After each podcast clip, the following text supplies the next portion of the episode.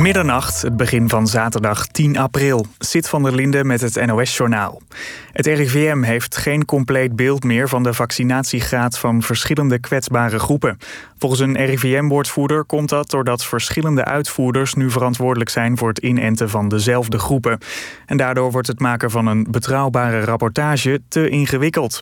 Het RIVM werkt aan een nieuw registratiesysteem voor meer inzicht in de vaccinatiecijfers.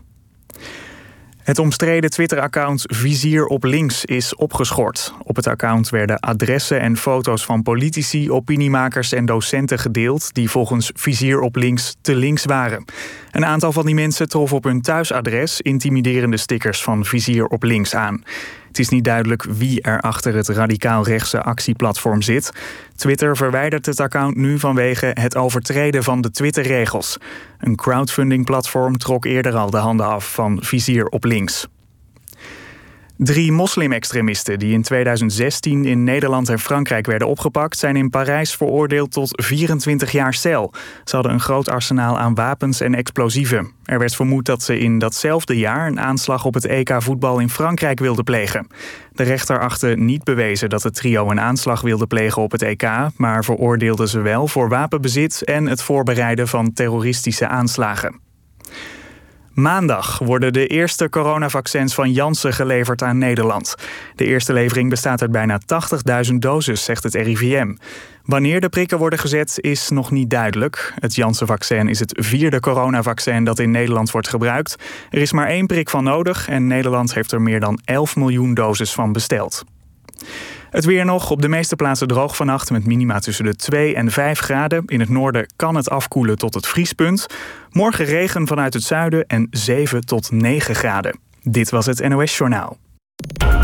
NPO Radio 1. VPRO. Nooit meer slapen.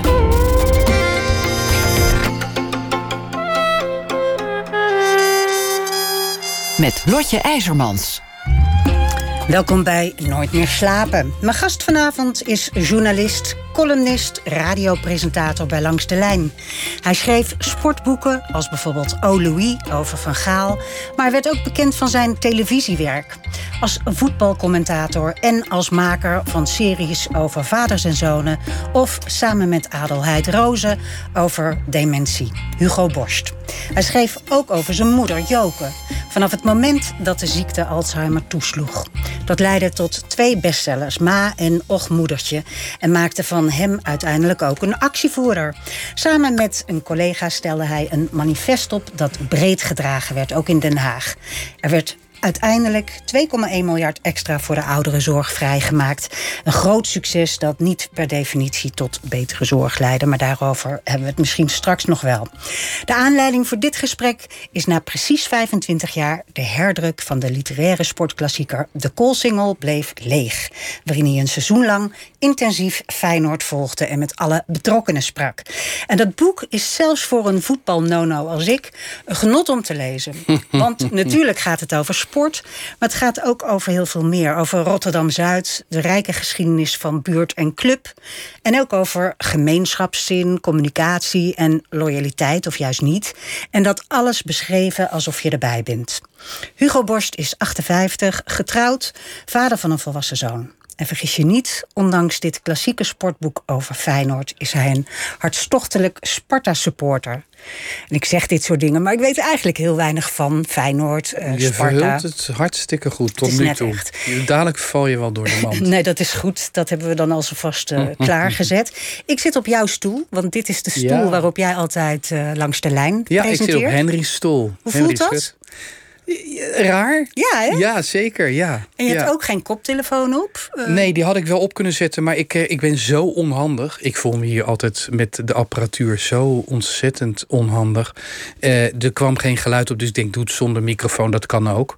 Ehm, Zonder koptelefoon. Zonder- Eh, zonder, eh, Zonder want koptelefoon. ja. Met een koptelefoon ben je in charge, zou ik maar zeggen, in radio. Ja, precies. Ik onderga het allemaal leidzaam. En ik ben heel nieuwsgierig. Ik vind het heel erg leuk dat je. Ik ben trouwens blij dat ik op de radio ben. Ik heb net televisie gedaan. Daar was helemaal niets mis, mis mee. Maar wat zeg maar bij televisieoptredens dan weer niet eh, wordt genoemd. Het gaat al heel snel over eh, de, de rottigheid. Hè? Dus eh, het stappen van de spelers. En alles wat misging. En jij schetst ook eventjes dat in het boek ja, ook wordt geschetst dat er in Rotterdam-Zuid een hele geschiedenis te vertellen valt. Ja. En dat is in, is in het boek ook gedaan. En daarom denk ik ook dat het inderdaad, het boek kun je als voetballiefhebber lezen, maar zeker ook als voetbal-nono, omdat.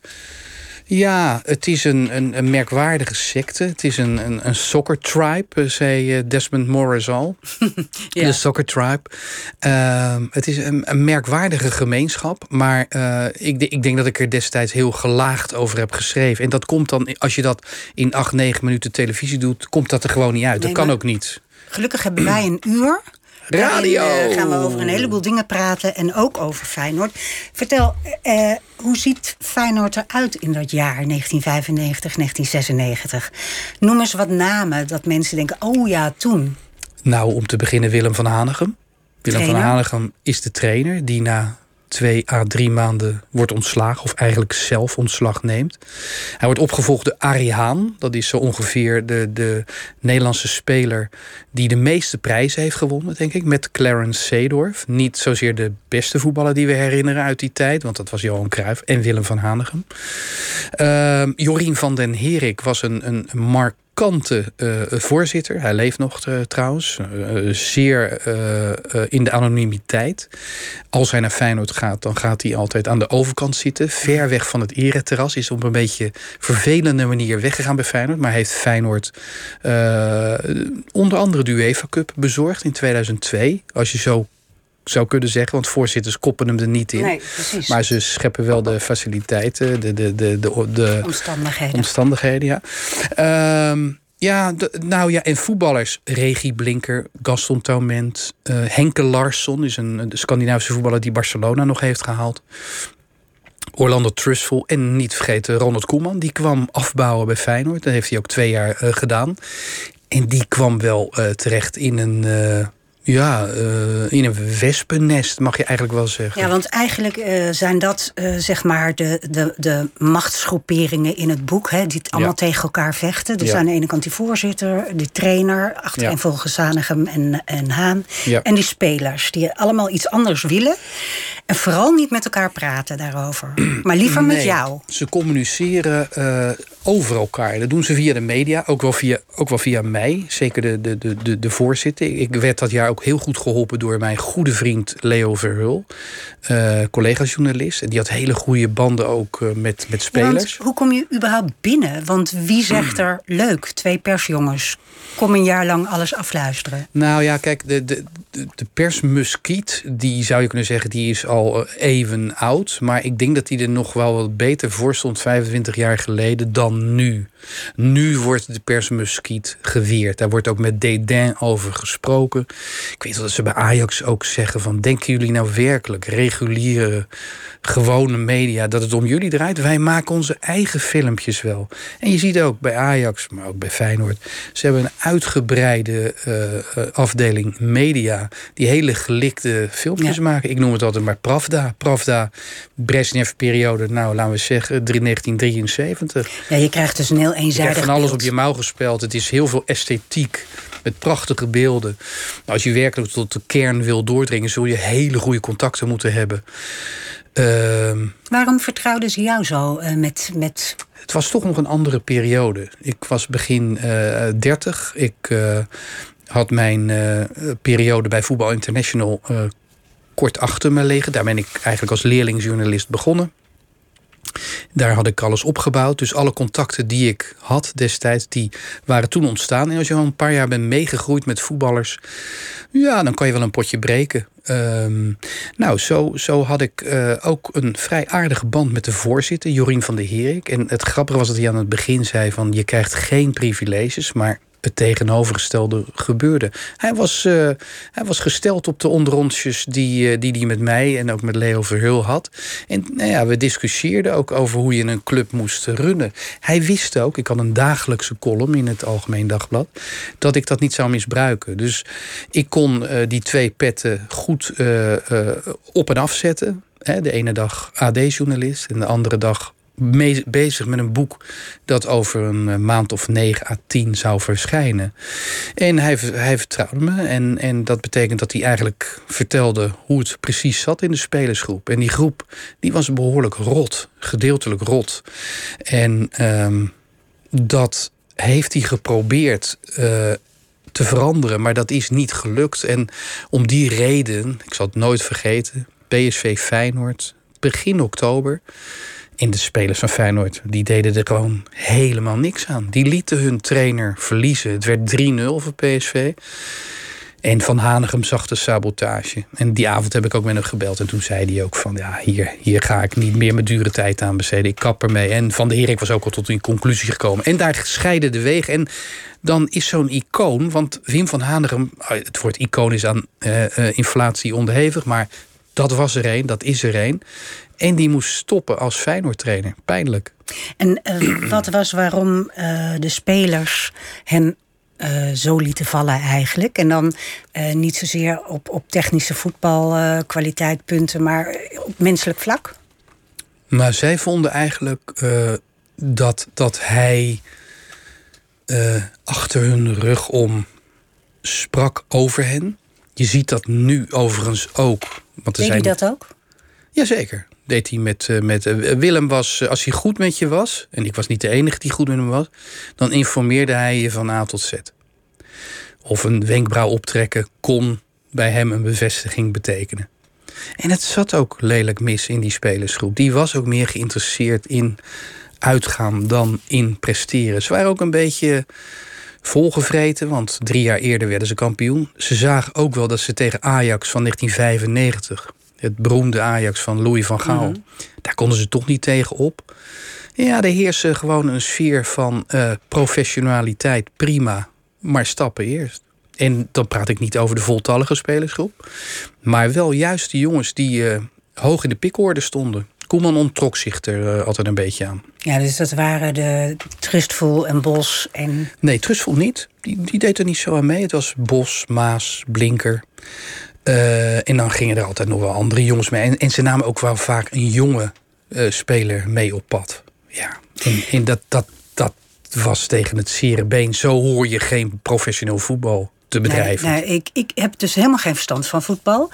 Uh, ik heb sommige dingen gegoogeld uit je boek, omdat ik toch wel weet waar het over ging. Um, 5-4-3 spelen bijvoorbeeld ik had geen idee. Nu weet ik dat. 4-4-3 of... Nou, is uh, ook eigenlijk niet zo interessant. Tactiek ja, moet ik, je eigenlijk overslaan. Oh, jij wil op de tactiek ingaan? Mag, nee, nee, ik wil helemaal niet op tactiek. Maar ik bedoel maar dat, ik, dat uh, als je dit boek leest... Dan ik heb trouwens je... ook nog zo'n vraag aan jou, hoor. Over, want jij, jij weet volgens mij niet wat een bijzondere connectie je hebt... met iemand die heel belangrijk nu is bij Feyenoord. Nee.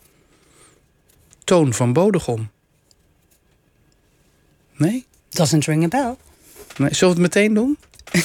Wie is Toon van Bodegom? Uh, ik heb gehoord van mensen die, die goed zijn uh, bij Feyenoord... dat jij als uh, muziekverslaggever ehm, deze zanger van een punkband... dat, jij, dat je met hem hebt geclashed. Sterker nog, je hebt een klap gehad van hem. Kan dat?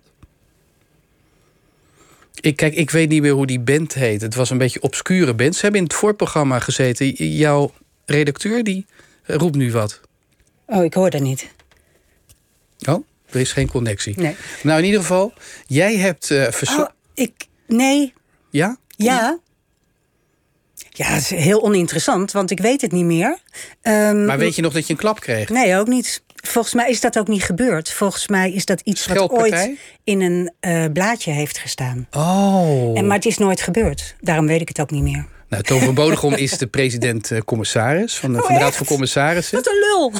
En eh, hij heeft vroeger in een punkband eh, gezeten, Ja. eh, jaren tachtig. En eh, nou ja, hij zou, hij zou ruzie met jou hebben gehad. Dus ik dacht, nou, dat is ook wel heel toevallig. heel dat moet ik er eventjes eh, vertellen. Nee, maar, maar- het loopt dus eigenlijk een beetje leeg, dit Ja, verhaal. volgens mij is het een, een beetje een, een, een... Ik had willen weten of die band goed was.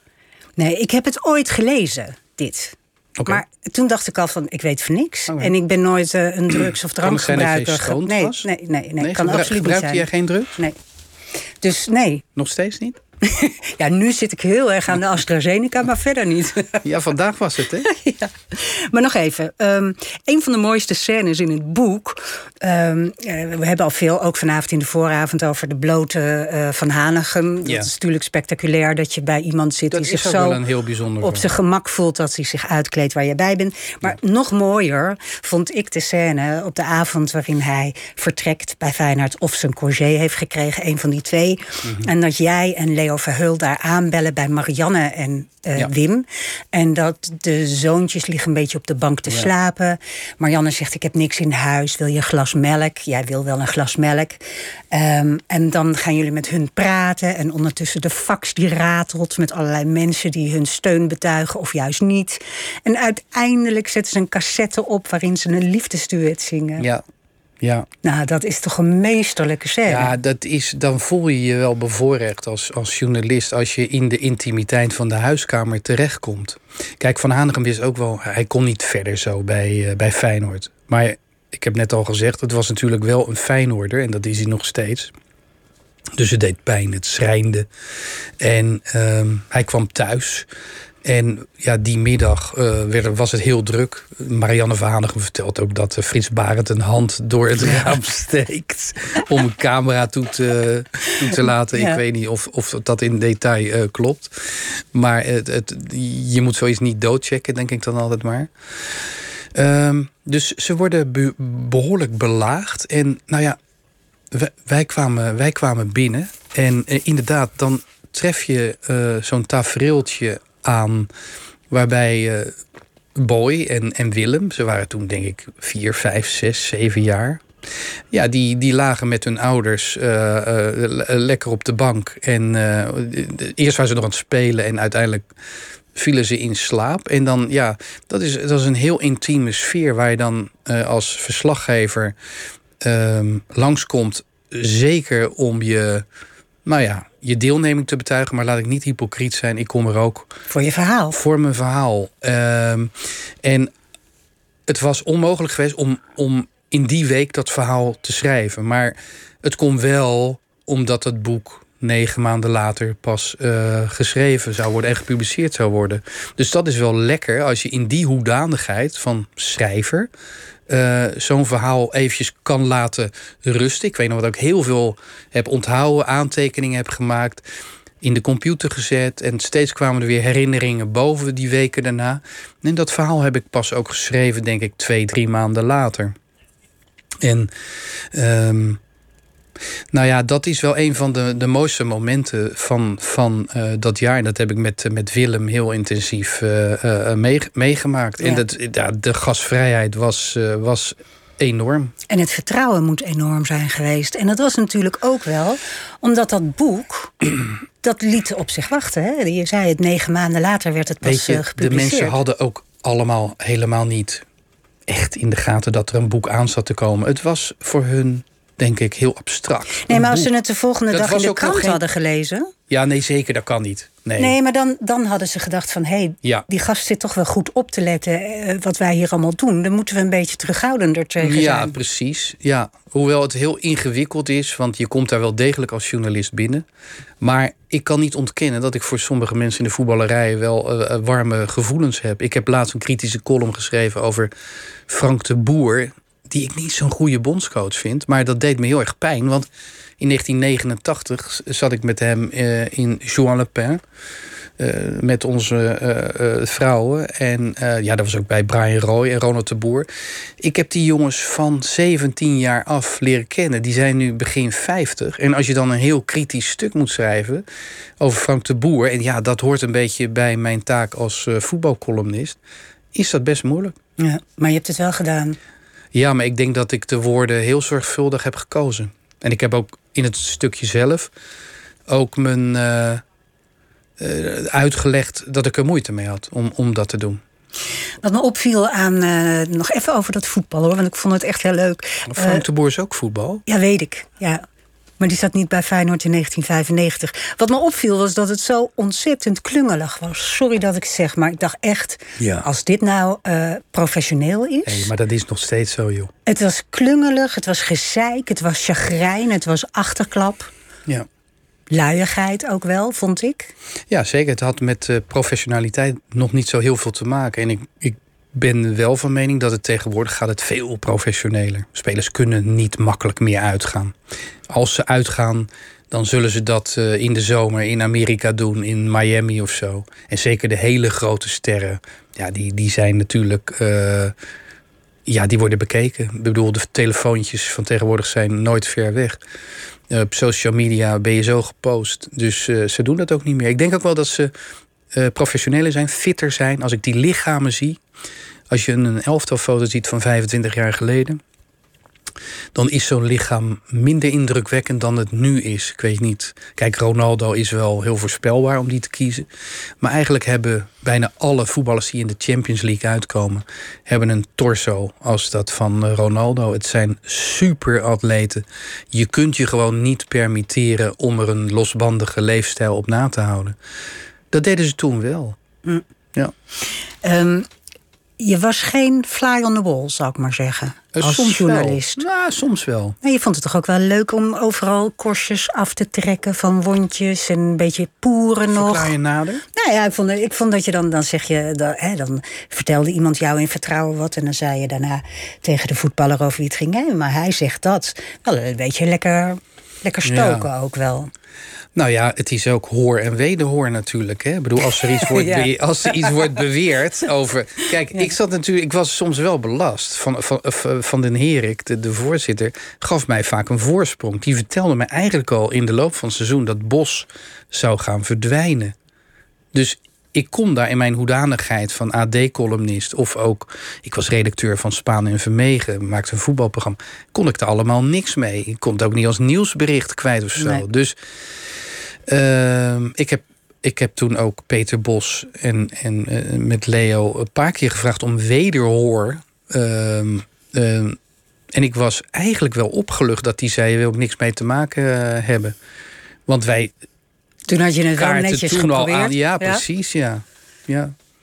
Maar ja, ja, ik weet niet of het gevroed is. Ik denk dat elke journalist wel een rat is en een, en een varken die vroet. Ja, kom op. Ja, ja zeker. Je, je hebt ook een vorm gekozen uh, uh, waarin je eigenlijk uh, doet alsof je bij de dialoog was. Ja. Door te checken bij de een en te checken bij de ander. Ja, daar heb ik gedaan alsof ik een fly on the wall ja. was. Maar uiteraard is dat uh, niet zo. Ik heb ook geen afluisterapparatuur uh, gebruikt. Wat ik deed was, als er een, een, een cruciaal gesprek plaatsvond... Hè, en er werd nogal wat afgesproken uh, met elkaar om problemen op te lossen... Ja, vaak was Van den Herik erbij betrokken. Nou, dan kreeg ik dat verhaal gewoon uit eerste hand van Van den Herik. En dan ging ik het toetsen. Hè, als de zaakwaarnemer Rob Jansen bij een uh, gesprek zat... dat ging over de, de enorme de bonje. Toch, ja, hij vertegenwoordigde de voetballers. Die voetballers waren er zelf bij. Dan checkte ik dat bij Rob Jansen. En zo kreeg ik twee verhalen. En dan toetste ik het ook nog bij, bij de speler die er had bijgezeten. En zo kwam ik tot een overeenkomst van, nou, laten we zeggen, 40, 50, 60 procent van wat daar besproken was. En dat waren pittige gesprekken. Daar maak je dan een dialoog van. En ja. die techniek die maakt het, maakt het boek denk ik heel spannend. Nou, dat is waarom het zo'n leuk levendig boek is. Ook als je niet uh, a priori in ja. sport uh, bent geïnteresseerd. Het is heel erg alsof je erbij mm -hmm. bent.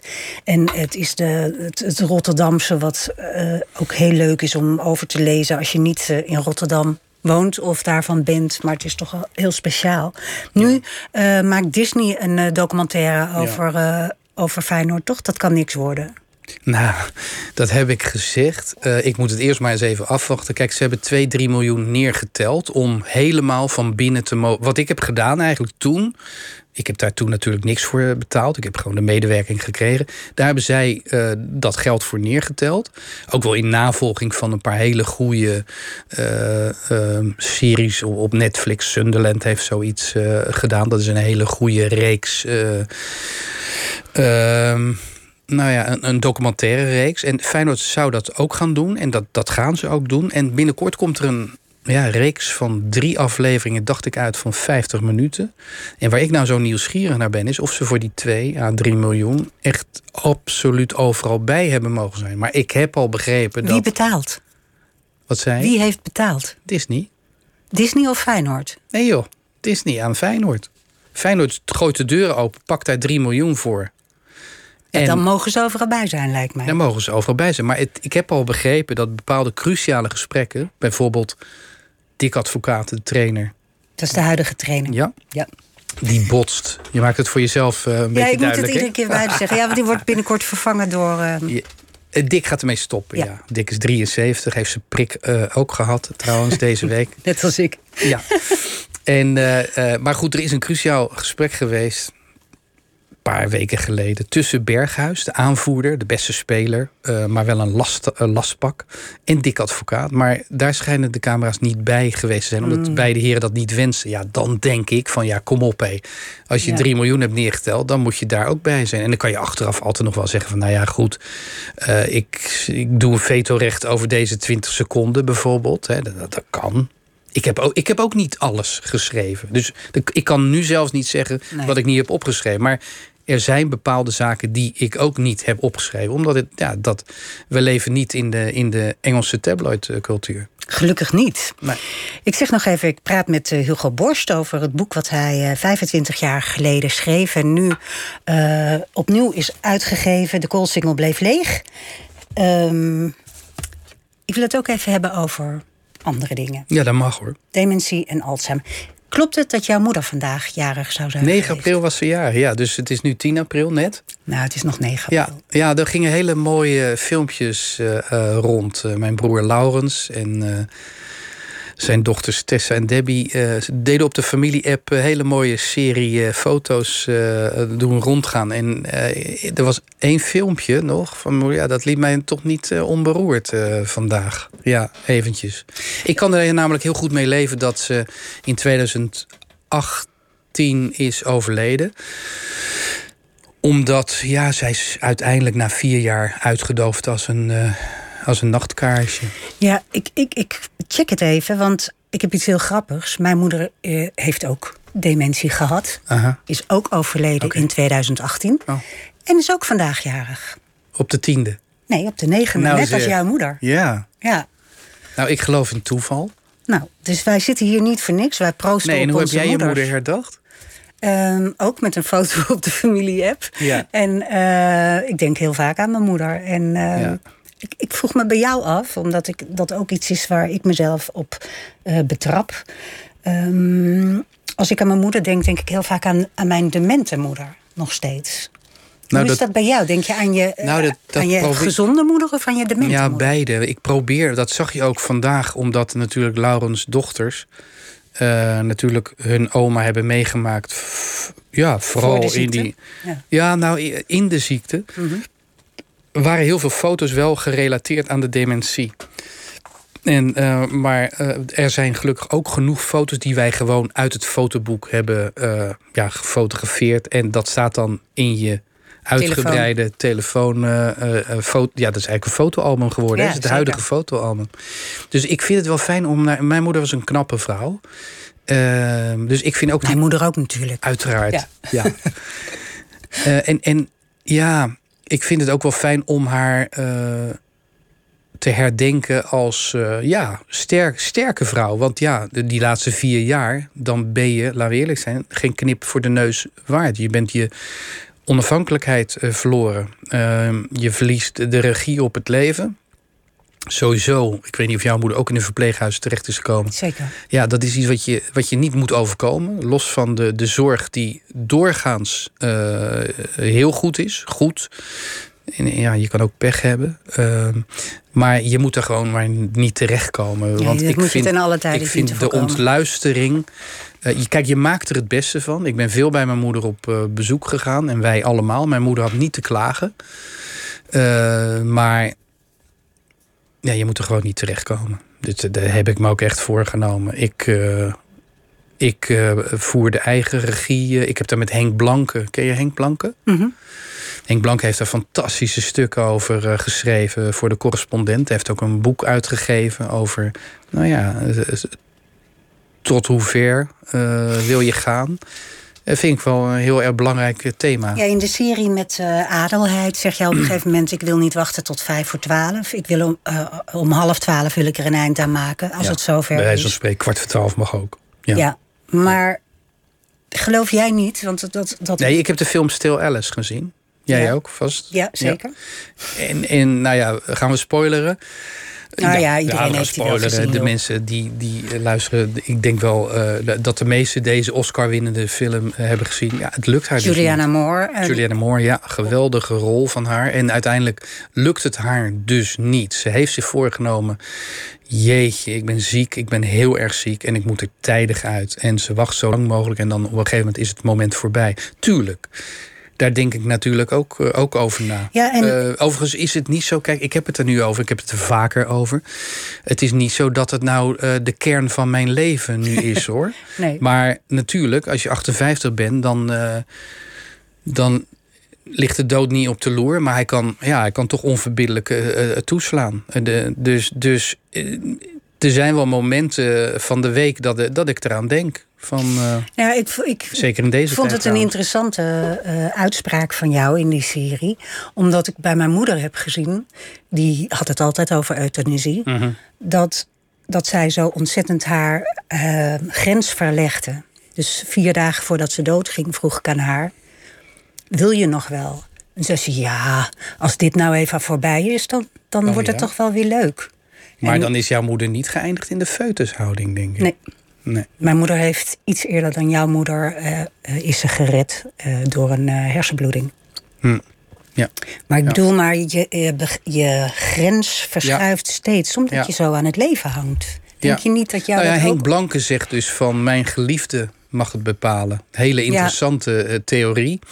Of een goede vriend.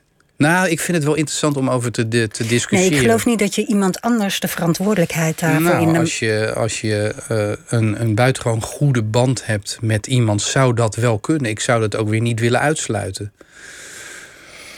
Ja, maar van de andere kant leg je iemand iets op.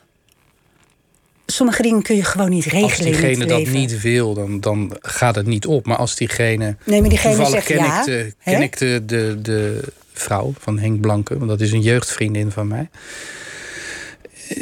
Zij kan daar wel mee, mee leven. Zij, zij kan zich daar wel een voorstelling bij maken. Daar wordt natuurlijk altijd over gediscussieerd. En dat, dat is natuurlijk ook altijd eh, fluïde. Hè? Dat, daar kun je in, in ver- veranderen van mening. Maar ik vind wel dat je hierover diepgaand moet nadenken en discussiëren. Overigens vind ik de, de, de theorie van, van, de laatst, van het laatste jaar eigenlijk... Hè, dat we de, de sterfelijkheid wat meer moeten omarmen... dat we Ja. wat beter met de dood moeten omgaan... dat vind ik wel een, een goede bijkomstigheid van de, de afschuwelijke coronatijd. Ja. Want we zijn natuurlijk altijd maar gewend geweest om het gewoon te vinden om te leven en heel oud te worden en ook eh groots en meeslepend eh, te leven. Maar eh, Ja, maar in die maakbaarheid die wij met z'n allen veronderstellen, zit ook eh, de suggestie dat de dood zich laat plannen. Dus dat Mhm. jij iemand anders verantwoordelijk kan maken voor dat jij niet heel erg hoeft te lijden en de beker niet helemaal leeg hoeft te drinken. Nee, Terwijl ik ik- denk, Maar ik vind ook dat je het zelf moet Ja. doen. Ik vind ook niet dat, wat mij betreft, hoeft dat niet opgelegd te worden door eh, de politiek. Ik vind eh, wat Pia Dijkstra heeft gedaan nou, allemaal heel goed. Maar je kunt ook zeggen van eh, dit is een super individuele beslissing. En ik heb geen toestemming nodig van de, van de politiek. Wordt ingewikkeld, want je moet de wegen kennen en je Ja. moet ook nog goed bij je hoofd zijn. Maar kijk, dit is natuurlijk allemaal geen probleem als je eh, een terminale kanker hebt en je bent nog goed in je hoofd. Nee. Dan kan heel goed worden bepaald wanneer je uit het leven gaat stappen. ik, ik weet toevallig, ik, ik weet er niet het zijnde van. Uh, maar ik kan me zo voorstellen dat bijvoorbeeld uh, Bibian Mentel op een gegeven moment een afspraak had van op het moment dat ik deze uitval heb in mijn lichaam, dan is het klaar. Hè? Ik, ik, ik, ik, ik, praat maar wat uh, voor me uit. Maar uh, dat kunnen dan de goede beweegredenen zijn. En omdat zij die beslissing met haar volle verstand uh, genomen heeft, omdat haar geliefde daarvan weet, omdat de artsen ervan weten, kun je dan wel op een goed manier eruit staan. Maar dementie en euthanasie is een hele ongelukkige combinatie, een hele ingewikkelde. En ik kan alleen, eh, veel mensen vragen mij vaak per mail van wat moet ik nou doen? En ik zeg altijd maar, leg het vast uh, op je telefoon. Uh, in beeld. En steeds hernieuwen, hè? Hernieuwen, hernieuwen, hernieuwen. Want dan kun je een archiefje opbouwen. En dan kan degene die daar uiteindelijk uh, moet helpen, want daar komt het toch op neer die kan zien dat het goed gearchiveerd is, dat het goed beargumenteerd is. De arts die dat moet doen. Ja. ja. Want bij, bij uh, mensen die niet met een dement iemand hebben gedeeld, het gaat over die wilsbekwaamheid. Ja. ja.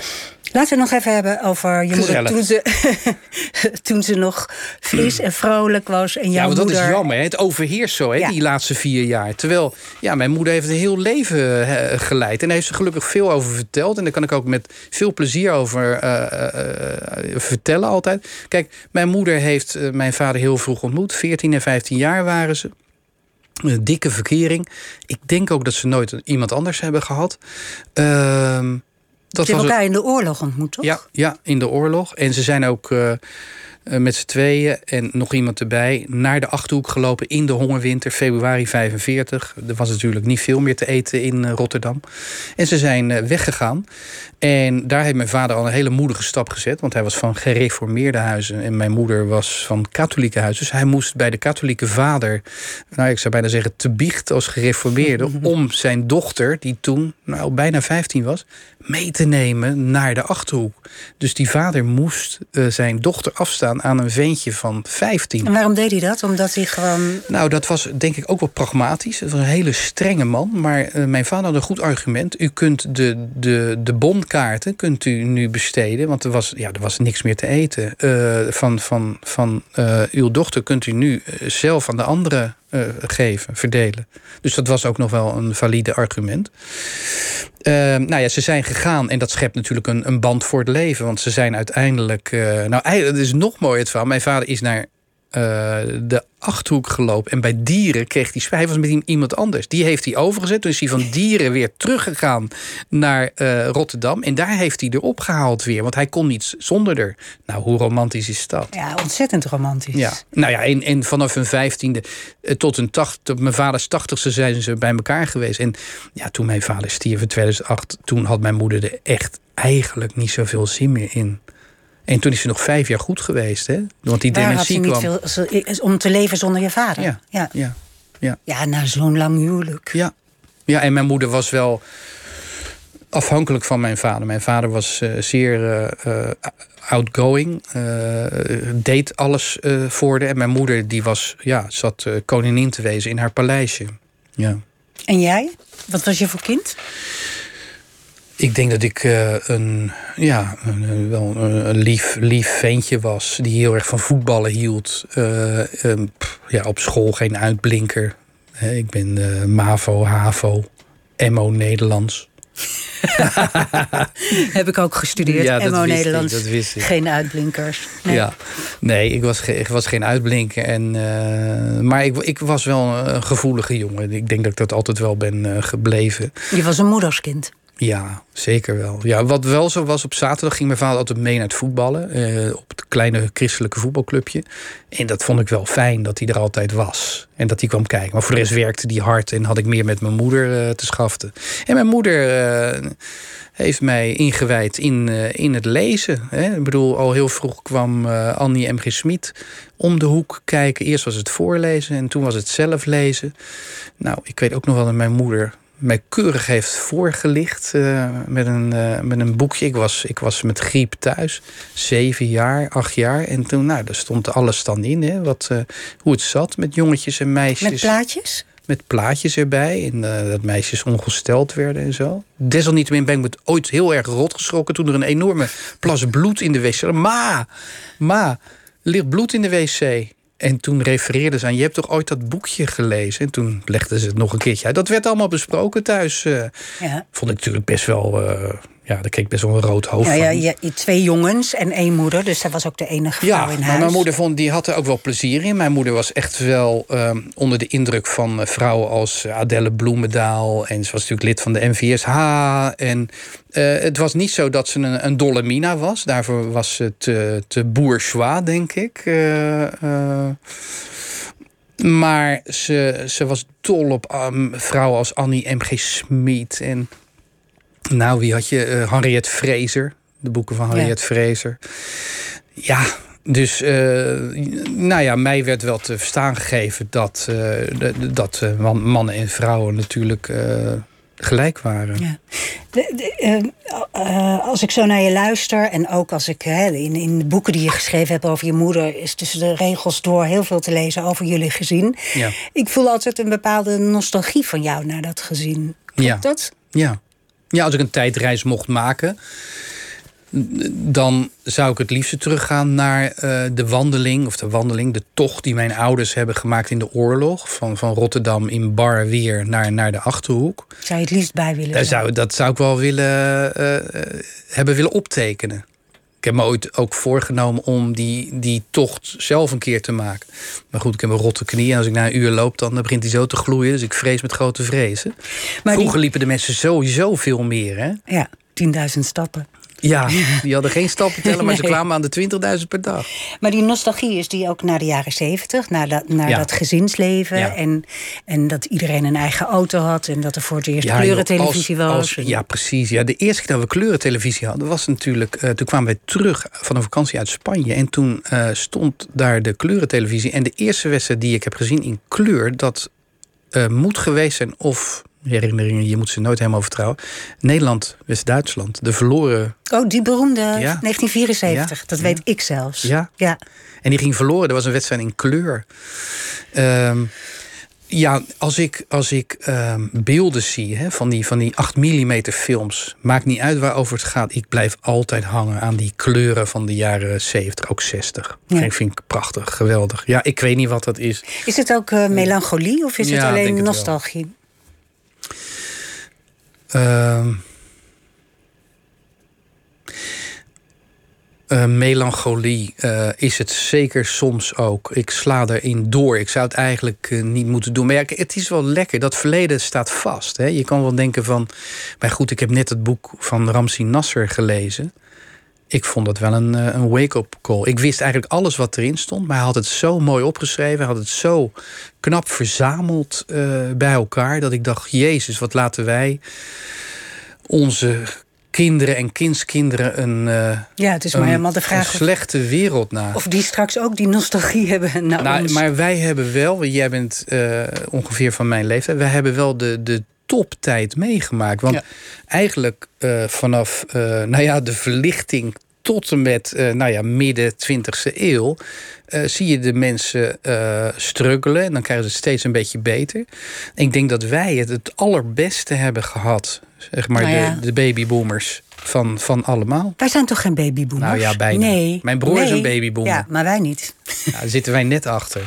Ik wil nee, maar we hebben wel ongelooflijke uh, geluk gehad. Ja. En dat, dat probeer ik me altijd te realiseren. Ik heb wel de neiging tot klagen, maar dan denk ik... man, je hebt zoveel, zoveel geluk gehad met ja, lieve ouders... en ja, je hebt niet te klagen in het, in het leven. Dus je moet niet zo ouwe hoeren. Welke eigenschap die jij als kind al had, heb je eigenlijk het meest mee geworsteld? Heb je het meest. Ik was heel bang dat, dat mijn uh, vader en moeder doodgingen. Was je altijd aan het rekenen van als zij op hun tachtigste doodgaan, ben ik zo oud en dan kan ik er misschien wel tegen? Dat. Maar toen ik een jaar 11, 12 was, toen, toen dacht ik, als ze gingen wandelen en ze waren niet uh, een uur later terug zoals ze altijd deden, maar ze waren toevallig even ergens langs gegaan. Nou ja, dan belde ik al de hele familie af waar ze bleven. Dan zag ik al dat, dat ze onder een bus waren gekomen. Heb je dat nu nog steeds met je vrouw en je zoon of andere mensen? Uh, nee. Nee, ik, ik heb dat niet meer. Ik kan dat uh, beter uh, van me afzetten. Ik ben daar ook wel voor, nou niet in therapie geweest, maar ik heb er wel psychiaters, psychologen en psychiaters voor gezien. Toen ook kinderpsychiater.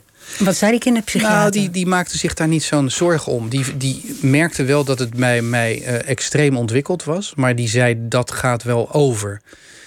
En dat is heel langzaam overgegaan. En net op tijd, toen ik eindelijk gewend was aan het idee dat je ouders uh, kunnen sterven, toen stierven ze. En toen kon ik er ook heel goed mee leven. Ik heb geluk gehad. Ik was 46 toen mijn vader ging en 56 toen mijn moeder ging. Dus weer Marcel gehad. Ja.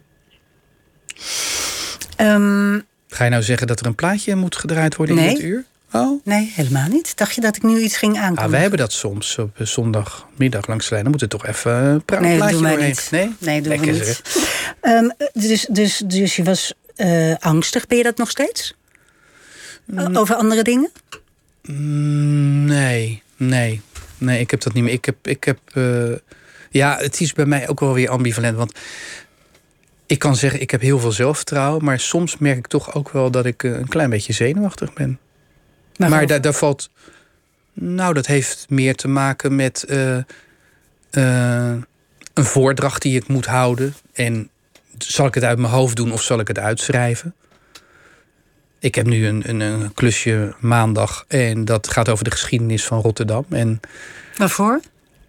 Ja, dat Voor is, wie? Nou, dat is gewoon een commerciële opdracht. Mm -hmm. Er wordt een heel mooi uh, gebouw gered, godzijdank. Ik ben altijd heel erg van dat het oude moet blijven. Hè?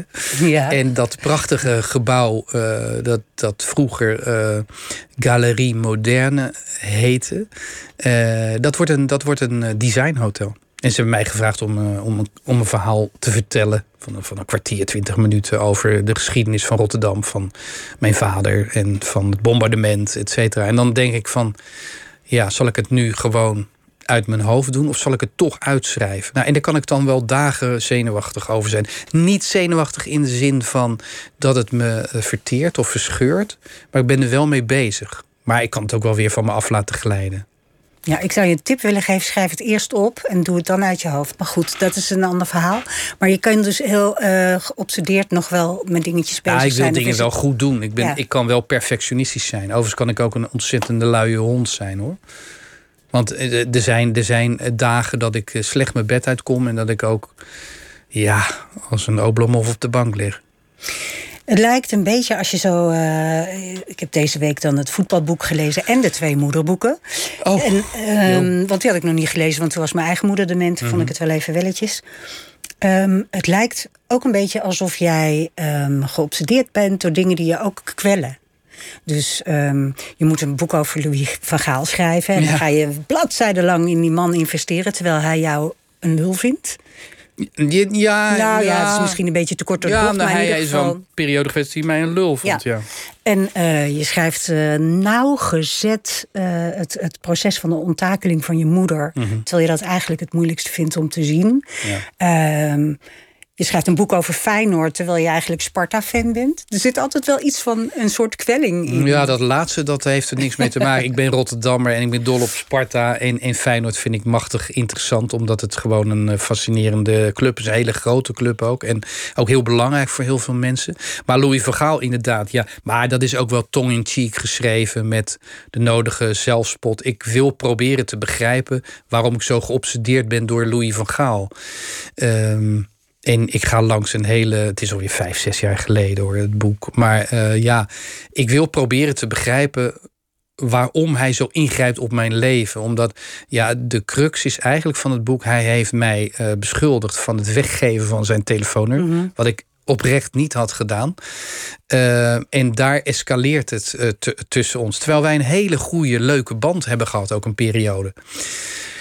Maar ja, weet je wat het is? Schrijven is ook wel heel erg fijn en, en leuk. En ik, ik geniet er intens van. Uh, dus uh, ja, een mens moet ook wat te doen hebben. En ik heb het geluk ook uh, dat ik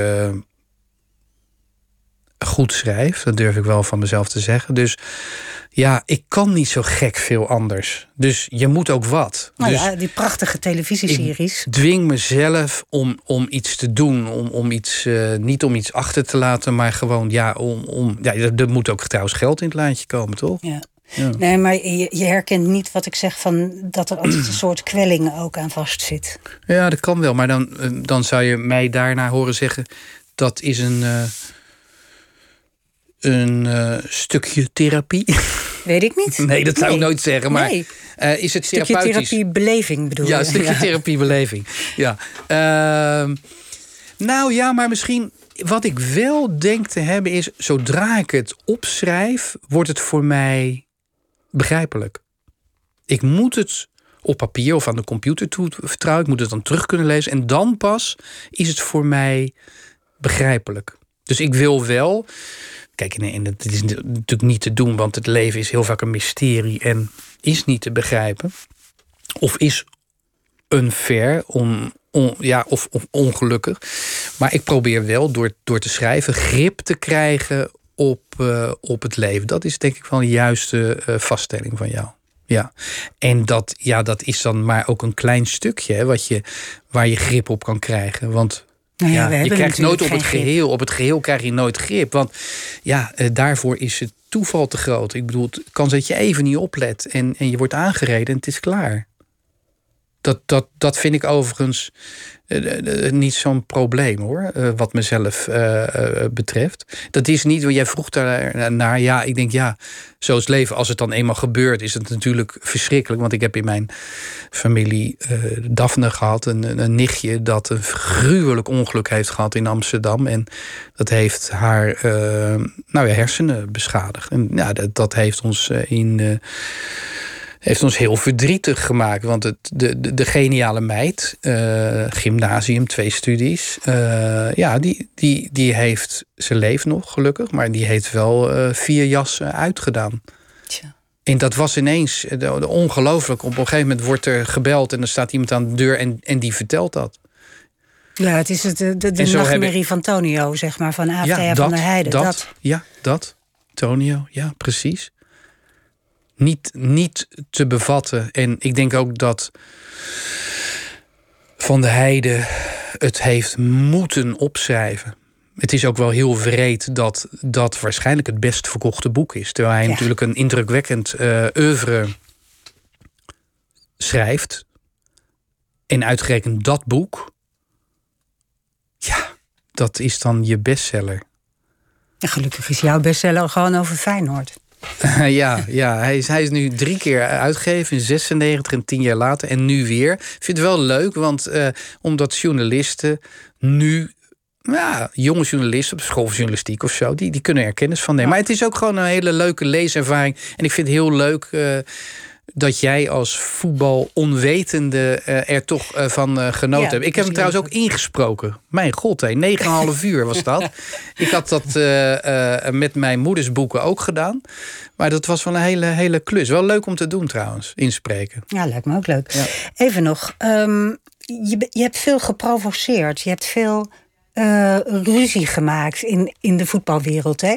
Ik heb Ja, dat was vooral voor, voor 2010, 11, denk ik. ja, Dat is nu veel minder geworden hoor. Ja, en nu, inderdaad, nu ehm, zien we jou op televisie met Adelheid Rozen, met die demente bejaarden. En dan Ja. denk je, jezus, wat een ontzettende liefdevolle, eh, zachtmoedige man.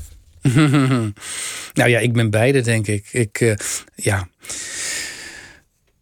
Ja, ik heb wel de neiging. Dat komt ook een beetje door Sander de Kramer, een goede vriend van me. Die, Die, eh, die eh, onderscheiding heeft gehad. Zeker, ja. ja. En, en Sander heeft mij wel eh, meer geëngageerd gemaakt.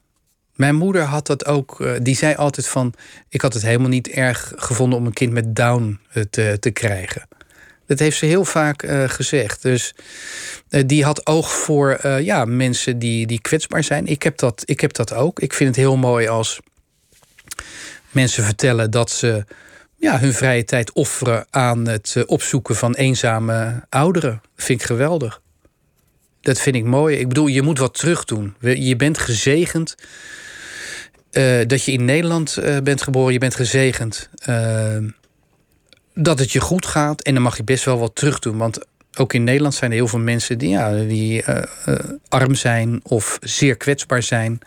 Dus ja, dat kun je al doen door gewoon even te luisteren naar iemand. Maar misschien ook om een boodschapje te doen. Dat hoort er allemaal bij. Dat is een deel van het leven. Je moet die niet alleen maar nemen, ook geven. Dat heb ik wel een beetje van Sander de Kramer. En is, heeft dat ook te maken met ouder worden en voortschrijdend inzicht en milder worden? Of, of zou je nog. Eh... Dat ligt voor de hand. Hè. Ja. ja. ja. Ja, dat, dat denk ik wel, eerlijk gezegd. Maar wel een vreselijk cliché, hè? ja, maar dat is het nare nou van al die clichés. Die zijn gewoon altijd allemaal ja, waar. Ja, dat is ook zo. Die zijn altijd waar, ja. ja. Um, um, jij hebt... Nog uh, zes minuten en drie seconden, zie je. Ja, maar ik heb nog uh, genoeg, hoor. Uh, om over te praten. Je hebt dat manifest gemaakt samen met. Uh, Karin Gamers. Karin Gamers. Karin is, uh, ja, daar ben ik blij omdat hij in mijn leven is gekomen. Echt een geestverwant. We kunnen het heel goed met elkaar vinden. We zijn echt bevriend. En we trekken soms ook samen op. we hebben laatst de verpleegkundige, helaas moeten tegenwoordig digitaal, ja, verteld hoe wij vinden dat je voor ouderen moet zorgen die in een ziekenhuis terechtkomen en die verward zijn. Wij denken dat met onze expertise uh, die we hebben opgedaan in, uh, in verpleeghuizen. Ja. Uh, dat, dat mensen die in ziekenhuizen werken, hè, want tegenwoordig komen er zoveel verwarde ouderen in ziekenhuizen terecht. Nou, dan geven we daar onze expertise. is hartstikke leuk om te doen. En elkaar in spark veel. Jullie hebben 2,1 miljoen eigenlijk. Miljard. Sorry, ja, nou, als het niet boven uit. de 100 is, dan nee, raak ik het al. Karin, Karin vergist zich ook altijd. Hebben jullie richting de ouderenzorg weten te lobbyen? Hartstikke goed. Ja. Heb je het idee dat het uh, nu beter is op de werkvloer? Nou, heel, heel, heel klein Kom je er nog wel eens? In verzorgingshuizen? Jawel, nou ja, nu eigenlijk niet. Ik heb wel een documentaire gemaakt in december. Toen ben ik wel verpleeghuizen ingegaan. Uh, maar is natuurlijk in coronatijd is dat heel lang moeilijk geweest. Maar als ik heel snel uh, door die afgelopen vijf jaar uh, ga, dan vind ik, en dat vindt Karin met mij, dat het, het te weinig heeft opgeleverd. En het komt toch gewoon door de ongrijpbaarheid van het systeem. De, de, de onbegrijpelijkheid, dat moet ik eigenlijk zeggen. Ik heb wel eens begrepen van Karin dat er eigenlijk niemand is die het systeem, zorgsysteem, eigenlijk 100% begrijpt. Ja. We hebben het te ingewikkeld gemaakt. Um, en, en ja, wat, waar wij voortdurend pleiten is uh, simpelheid, uh, minder regels en. Uh, kleinschaligheid, zorg, Kleinschaligheid. Zorg ook dat je. het personeel dat je hebt, dat je dat koestert. Hè? Natuurlijk, Rutte en Co. heeft natuurlijk rond 2010, 11, 12 heel veel kwaad aangericht in de zorg. Door heel veel mensen eruit te flikkeren.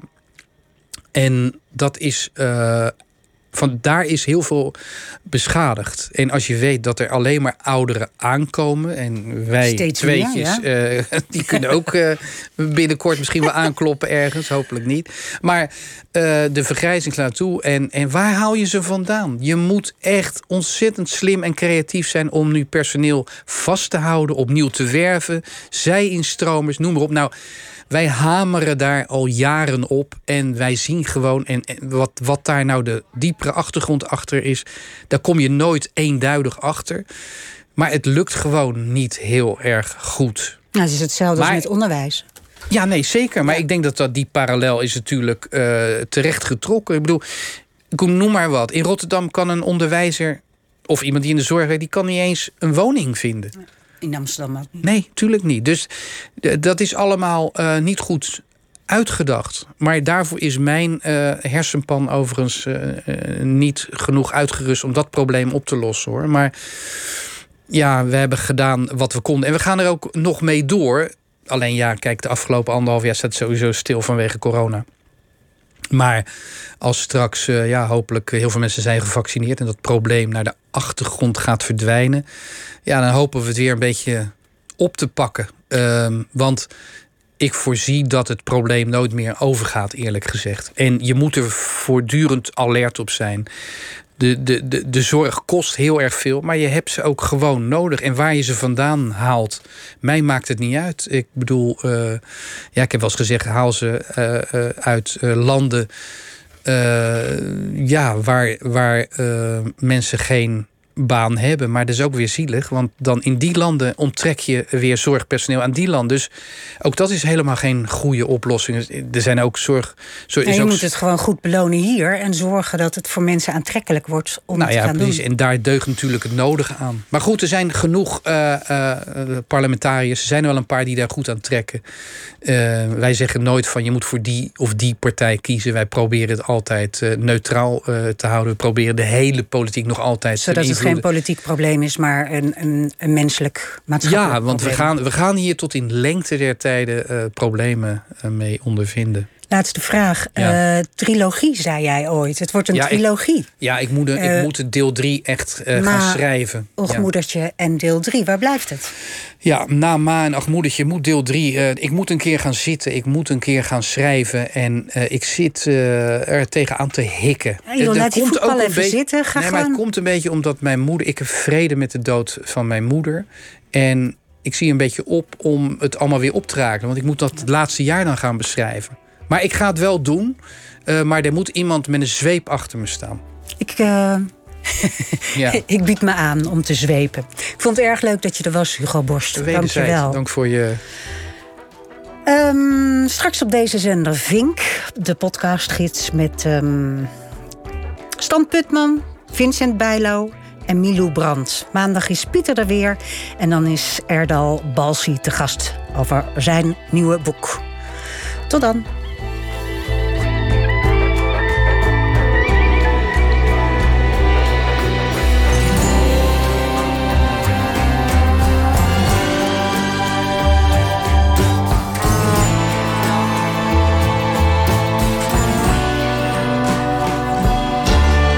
Radio 1, het nieuws van alle kanten.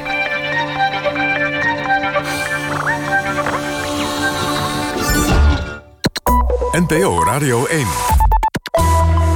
1 uur.